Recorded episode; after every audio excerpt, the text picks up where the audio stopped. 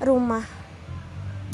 Kalau dengar kata rumah, yang ada di pikiranku itu rumah adalah tempat kembali yang nyaman. Semua orang pasti pengen punya rumah, tapi gak semua orang bisa punya rumah. Atau terkadang mereka sudah punya rumah, tapi mereka gak sadar karena rumah itu nggak pernah memberikan sedikit pun kehangatan ataupun kenyamanan.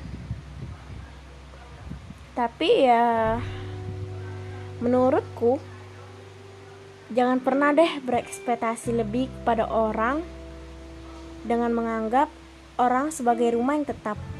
Karena terkadang mereka hanya singgah sebentar.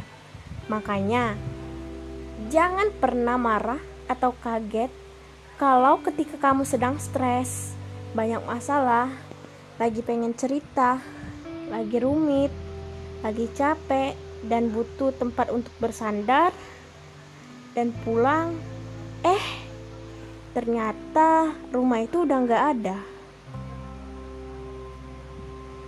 Hal itu sudah sering terjadi karena ya memang begitulah sifat manusia manusia itu dinamis, mudah berubah.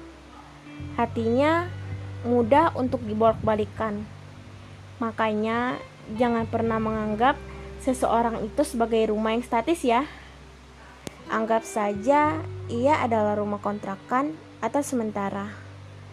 Dan jadikanlah dirimu sebagai rumah yang tetap karena pada akhirnya gak bakal ada orang yang peduli sama kamu kecuali diri kamu sendiri.